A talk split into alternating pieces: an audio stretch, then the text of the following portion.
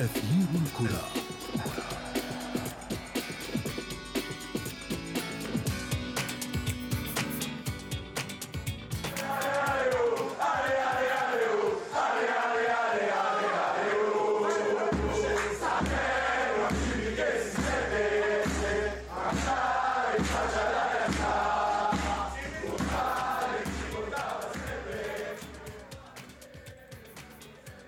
أهلا بكم من جديد في أثير الكرة. كنا نتحدث مستمعينا الكرام قبل هذا الفاصل عن نجوم وأساطير لعبة كرة القدم الذين يعودون إلى أنديتهم من البوابة الإدارية أو الفنية.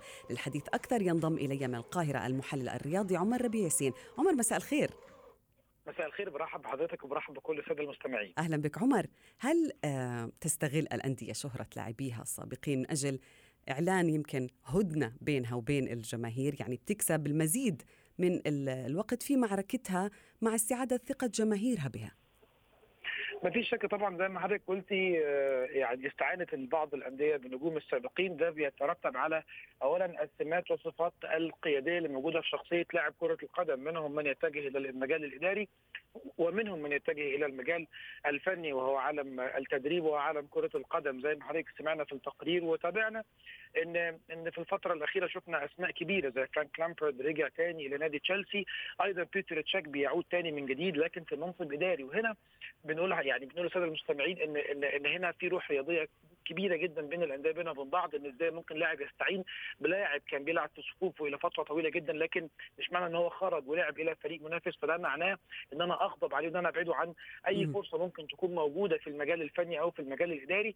لكن حضرتك قلت أو أو أو قلنا اسمين مهمين جدا هم بيتر تشاك وأوليفر كان اثنين هيكون لهم مستقبل كبير جدا في المجال الإداري الخاص بعالم كرة القدم. طبعا بيترتب عليها بعض النقاط اللي علشان نقدر نحكم على اللاعب ده يعني ينتمي إلى المجال الفني ولا ينتمي إلى المجال الإداري. طبعا حضرتك عارف إن لاعب كرة القدم لما بيكون موجود في النادي لفترات طويلة جدا بيعاصر الكثير والكثير من من المدربين النجوم اللي بيدربوه بيدربوا اللعيبة اللي موجوده اللي بتكون موجودة تحت قيادته وبالتالي بيستفيد بعض الخبرات الكبيرة طيب يعني بمجرد عمر إنه نسمع إنه كان عاد إلى البافاري أو زين الدين زيدان مثلا عاد إلى ريال مدريد أو فرانك لامبرد أو غيرهم يعني هل السحر اللي بيملكوه هؤلاء اللاعبين في الملعب يكفي وحده لإعادة الأمور إلى نصابها أو كيف ممكن اللاعبين هدول يستغلوا هذا السحر؟ مبدئيا حضرتك قلت اسمين كبار اوليفر كان وزين الجيز ده هم بالتالي مثلوا قدوة كبيرة جدا للعيبة اللي موجودة وللجماهير زي ما حضرتك قلتي وهي وجود هدنة ما بين الجمهور وبين الإدارة وبالتالي وجود زين الدين زيدان كواحد من أفضل اللعيبة اللي جم في تاريخ العالم. نظرة اللعيبة ليه جوه داخل غرف خلع الملابس في الملعب بتبقى نظرة كبيرة جدا نظرة كلها احترام نظرة كلها فهم اللعيبة عايزة تستفيد فنيا من خبرات زيدان وبالتالي وجوده في القيادة الفنية من بداية السلم ووجوده في فرق الناشئين حتى الفريق الأول هي خطوات خطوات صحيحه في إعداد كادر كبير جدا للكرة العالمية في ريال مدريد، أما أوليفر كان والخبرات الخبرات الاقتصادية والخبرات الإدارية والخبرات الفنية تكفيه في وجوده كمنصب وحبه للنادي يعني لا يمكن أي شخص طبعاً. ينافس أوليفر كان في حبه وعشقه البافاري. وبعدين حضرتك ده منصب رئيس نادي بايرن ميونخ. ليس أي منصب أحد أكيد. أكبر بالضبط أحد أكبر وأعرق الأندية.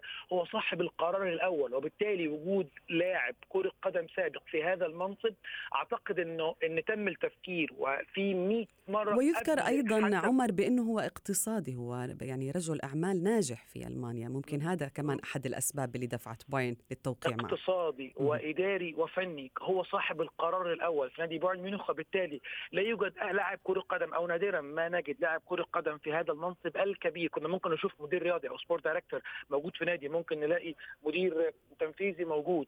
ممكن نلاقي عديد من من المناصب لكن رئيس نادي أعتقد إن الموضوع صعب جدا لكن أوليفر كان أهل بهذا المنصب. أعتقد إن هو هيضيف من المزيد لنادي بايرن ميونخ وأيضا حضرتك هيضيف من الخبرات اللي موجودة عنده سواء في المجال الاقتصادي أو سواء في المجال الفني. بايرن ميونخ بعيد بقاله فترات عن التتويج بالمنصات الأوروبية. أعتقد إن أوليفر كان هو من سيعيد بايرن طيب وكذلك هو الحال بالنسبة لي لأرسنال. يعني عندما تولى أرتيتا مهمة تدريب أرسنال وجدت فيه بعض الجماهير طوق نجاة ال Gunners أو الأمل ولكن في مقابلة صحفية لأرسن فينجر المدرب الأسطوري للفريق وجد أو حكى بأنه أرتيتا لا يملك الخبرة الكافية لقيادة ال Gunners من تؤيد جماهير أرسنال أم أرسن فينجر؟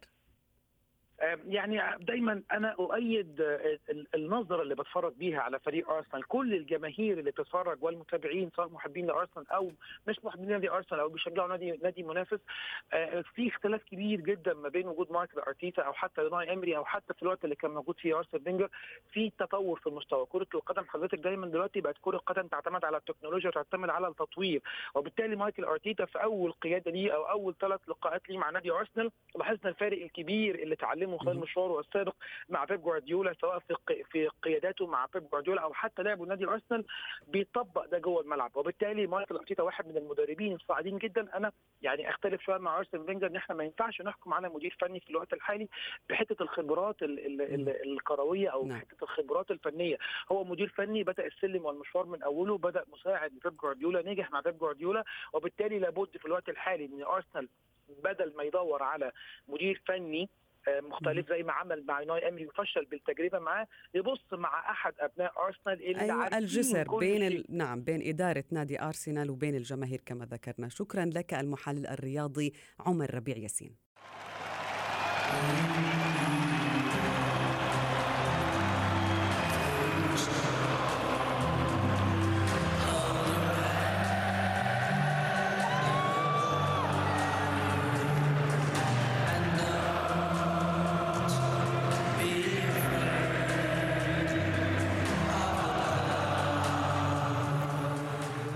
مستمعينا الكرام آه لا يوجد أجمل من سماع مثل هذه الأغاني من قلب الحدث، لا يوجد أجمل من متابعة مباراة كرة القدم من قلب الحدث من داخل الملعب، خصوصا إذا كنت مشجع لأحد الفريقين، وهو مختلف تماما عما نشاهده نحن على شاشة التلفاز، رغم أن البعض يفضل ذلك مع صوت المعلق. وحماسه. ولكن حماس الجماهير أيضا واهازيجهم وشعاراتهم في الملعب. صوت اللاعبين ركل الكرة غير هذه الأمور كثيرا نفتقدها حين نتابع المباراة من أمام الشاشة. للحديث عن هذا الشعور ينضم إلينا زميلنا من السوشيال ميديا محمد سقار الذي تابع العديد من مباريات كرة القدم في ملاعب أوروبا سواء كان لانديه هو يشجعها أو لأندية هو لا يشجعها. محمد مساء الخير. مساء الخير شكرا على الاستضافه شكرا لك لوجودك معنا في أثير الكرة. محمد حدثنا اول شيء عن المباريات اللي تابعتها. أنا يعني اتيحت لي فرصة إنه أشوف اثنين من أهم ملاعب في أوروبا وربما العالم ملعب كامب نو معقل نادي برشلونة مع إني أنا مش مشجع نادي برشلونة بس بس, بس من يعني مشجعين الملعب أو آه من طبعا الناس طبعا أكيد. الملعب. وملعب أليانز أرينا. ملعب نادي بايرن ميونخ. طبعا الفرق بين الماتشين اللي حضرتهم إنه ملعب مباراة برشلونة كانت لحظة كامب نو المباراة كانت بين برشلونة ومن برشلونة وغرناطة في موسم 2016 2017 في الدوري. وأليانز أرينا؟ أليانز أرينا كانت كأس أودي في صيف عام 2017 بين كانت مباراة ليفربول وبايرن ميونخ. wow. فأنا مشجع ليفربول فأنا سافرت مخصوص عشان أحضر المباراة. طيب. آه الشعور كان هلا رغم إنه أودي كانت كاس ودية ومباراة برشلونة كانت ضمن الدوري ولكن أنا كمشجع ليفربولي طبعا يعني هلا أنا سمعت صوت أغنية You'll Never Walk Alone فأنا أصبت بال مثل ما بيقولوا بالقشعريرة. رجعت يمكن للمباراة. آه رجعت. فأنا وقتها تفاجأت يعني إنه كان عدد حوالي ملعب الأليانز أرينا بتسع حوالي 75 ألف متفرج. وقتها كان في حوالي 50 ألف. تفاجأت إنه تقريبا نص المشجعين كانوا من ليفربول. فلما اللي سافروا لا لا ميونخ. ليتابعوا المباراة لا يتابعوا المباراة مع أنها بطولة ودية. فأنا هذا الشيء اللي خلاني إنه آه إنه فرجاني على ارض الواقع إنه مدى شغف مشجعين ليفربول بناديهم آه حتى لما نزلت الشارع بميونخ لقيت مشجعين ليفربول محتلين الشوارع تقريبا. يعني لديهم الجرأة لأن ابدا. آه لأن نشجع ليفربول آه تماما. طيب محمد هناك مشجع آخر آه معنا على الهاتف. لديه تجارب كثيرة مغامرات شيقة أيضا يريد أن يشاركنا فيها. المشجع أيضا تابع مباريات عديدة في الدوري الإنجليزي الممتاز. سايمون جيرارد سايمون مساء الخير. مساء النور ازي حضرتك؟ عاملة إيه؟ الحمد لله. سايمون قبل ما أسألك عن عن الجماهير بدي أسألك عن اسمك. سايمون جيرارد. آه اسمي سايمون جيرارد. آه, آه, آه طبعا مصري آه جنسية وأصل أرمن. okay. فهنا الاسم الاختلاف ممكن يكون بسبب ده. الاسم كروي جيرارد يعني سايمون جيرارد. طيب. سايمون ليفربولاوي آه. أنت ليفربولاوي ما شاء الله اثنين يعني. طيب آه، ملاعب كرة القدم في إنجلترا. أنت تابعت أكثر من آه، مباراة هناك كما ذكرت لنا قبلها ولكن آه، يعني مباريات أو مدرجات ملاعب كرة القدم قريبة جدا من ال- الجماهير. يعني ما كل هذه الثقة؟ كيف كيف هو شعورك لما كنت تتابع مباراة وأنت قريب من اللاعب كثيرا؟ يعني في مساحة قليلة جدا. yes okay okay ال- آه، النقطة دي طبعا آه، إنجلترا عامة عامة ال- ال- ال- المنظومة الاستادات والملاعب كلها في professionalism زيادة شوية. في آه، تخصص شوية كده في طريقة التنظيم والملاعب والمترو وال- والملاعب حتى قديمة شوية فبيبقى في حتة heritage قديم كده آه، بتحس بيه. آه، الفرق الأكبر اللي بتلاقيه في ليفربول وفي الأندية الإنجليزية طبعا إن الملاعب بيبقى فيه آه، ما بيبقاش فيه track Olympic track مثلا علشان يعمل. space طويل ما بين اللعيبة وما بين الجماهير وملعب مخصص لكرة القدم فقط فقط. ومخصص الاستاد نفسه لازم يكون كل نادي درجة أولى درجة ثانية درجة ثالثه عندهم الملعب بتاعهم officially حتى لو كان 5000 10000 آه، المنظومة بيبقى فيه professionalism أعلى شوية من ناحية ال security wise ممكن يبقى في 2 2 متر ما بين اللعيبة والجمهور بس في security موجود وبدون بدون ما نشوفه في التلفزيون أو أي حاجة. نعم. بيبقى ده بيزود طبعا ال ال آه، الإحساس بال- بالملعب يعني. لأن طبعا الكوره في الملعب مختلف تماما عن التلفزيون. فده بيدي فما بالك لما تاني بيكون. في ال- ال- الأنفيلد يا سايمون إذا تابعت مباريات في هذا الملعب آه، طبعا في طبعاً. المدرب يورجن كلوب قال مرة عن ملعب. الأنفيلد بأنه الشعور اللي بينتابه لما دخل هذا الملعب مختلف تماما عن باقي الملاعب هل هذا صحيح؟ ده حقيقي طبعا. وفي آه، في يعني مش عايز أطول ال- ال- history التاريخ بتاع ليفربول فيه أحداث كتيرة حصلت. في حاجات آه، في زي آه، هيلزبورو اللي حصل وفي جماهير آه، حصل لهم مشاكل وتوفت وكده. ففي ليفربول عامة في قصة طويلة دراما وفرح وحاجات كده. ودوري لسنين طويلة ما جاش. فل... ل... وأغنية طبعا زي You'll Never Walk Alone من من. أكتر الأغاني اللي معروفة في الكورة. وطبعا الجماهير مع الحاجات دي آه، بقى في passion غير عادي. ومع يورجن كلوب مدرب آه، هو مش مدرب هو قائد. هو. هو إنسان قائد عامة. هو بيعرف إزاي يطلع أحسن حاجة. من إنسان عادي يقدر يطلع منه maximum output فهو ده اللي. عمله. يعني هو ده اللي قدر يعمله مع ليفربول. وهو ده اللي كان فاض اللي كان ناقص لليفربول لمدة السنين دي كلها. حد يكون عنده vision حد. يكون عنده ثقة حد يقدر يقف يبقى حد حد جمهور حد من جميل. جمهور محمد آه، بتحب تروح على الأنفيلد تحضر مباريات آه هناك؟ طبعا أكيد بس شجعك سايمون؟ أكيد طبعا. أنا بس بسبب إنه ما اتيحت لي الظروف المناسبه لاقدر أروح فأنا لا لازم بال plans في لازم أروح الأنفيلد أكيد يعني. بما إني مشجع ليفربولي يعني من أيام الطفولة أنا بشجع ليفربول.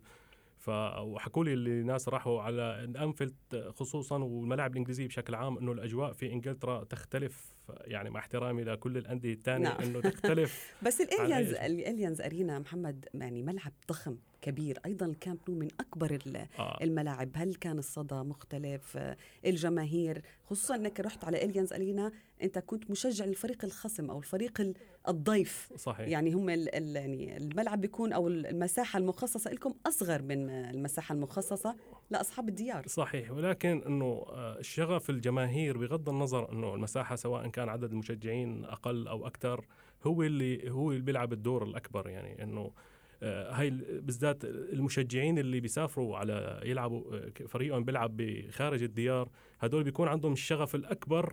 آه، لتشجيع الفريق طيب. بما إنه مش على ارضهم لأنه في كثير من المشجعين بيحضروا على ارض الملعب في منهم ممكن مجرد جاي يتابع المباراة وبس أما اللي بيسافر لبرا. الأرض بيكون هو فعلا مشجع حقيقي لكره لكرة القدم القدم للنادي آه، للنادي آه. نعم سايمون بشكل سريع آه، إذا صحت لك أنك تتابع مباراة كرة قدم خارج إنجلترا مين بتختار؟ شو المباراة اللي بتتمنى أنك تتابعها هناك؟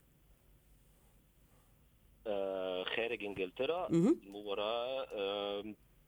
غالبا هيبقى مثلا آه، نهائي أبطال أوروبا ليفربول 2020 برضه في جانب في جانب إنجليزي. محمد. آه يعني آه هو أنا طبعا إذا غير ليفربول أنا بتمنى أشوف الكلاسيكو برشلونة وريال مدريد أكيد سواء بالكامب نو أو بسانتياغو. وأنا كذلك يا محمد شكرا جزيلا لك وأنت أيضا سايمون جيرر شكرا جزيلا لكما لتواجدكما معنا في أثير الكرة. شكرا.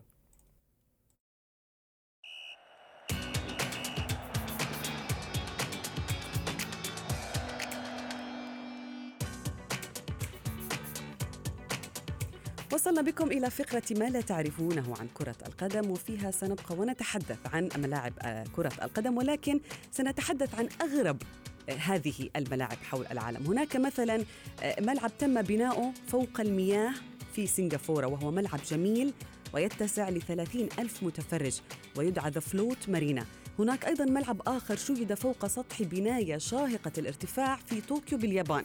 وفي أكثر تقاطعات العالم ازدحاما بالحركة المرورية. هذا الملعب في طوكيو يستقطب مستمعينا العديد من السياح الذين يستمتعون بجمال تصميمه. ولكن هذا الملعب الياباني لا يعتبر الأعلى ارتفاعا في العالم. فيوجد في أوروبا وفي سويسرا تحديدا وعلى ارتفاع ألفي قدم فوق سطح البحر ملعب آخر يطل على جبال الألب الشهيرة وتمت تسمية هذا الملعب بأوتمر هيتسفيلد تيمنا بالمدرب الألماني الشهير الذي أوصل المنتخب السويسري إلى نهائيات كأس العالم 2010 ولكن الملعب الأغرب في عالمنا هذا الذي تدور في جنباته قصص وذكريات أليمة هو ملعب خوليو مارتينيز الوطني. يوجد هذا الاستاد في تشيلي حيث تقول الحكاية بأن هذا المكان الذي شيد فيه الملعب كان معقلا لعمليات تعذيب لسجناء وأسرى الحروب قبل 30 عاما. وتخليدا لذكرى الضحايا قام أحد الفنانين التشيليين بتصميمه وزرع شجرة في وسط الملعب تماما. وحين أقيمت أول مباراة كرة قدم فيه كانت هناك الشجرة في نقطة ضربة البداية تحديدا. وصلنا بكم مستمعينا الكرام إلى صافرة النهاية من أثير الكرة. لا تنسوا أن موعدنا يتجدد بكم ومعكم الاثنين المقبل. معي أنا شذى حداد. إلى اللقاء. أثير الكرة.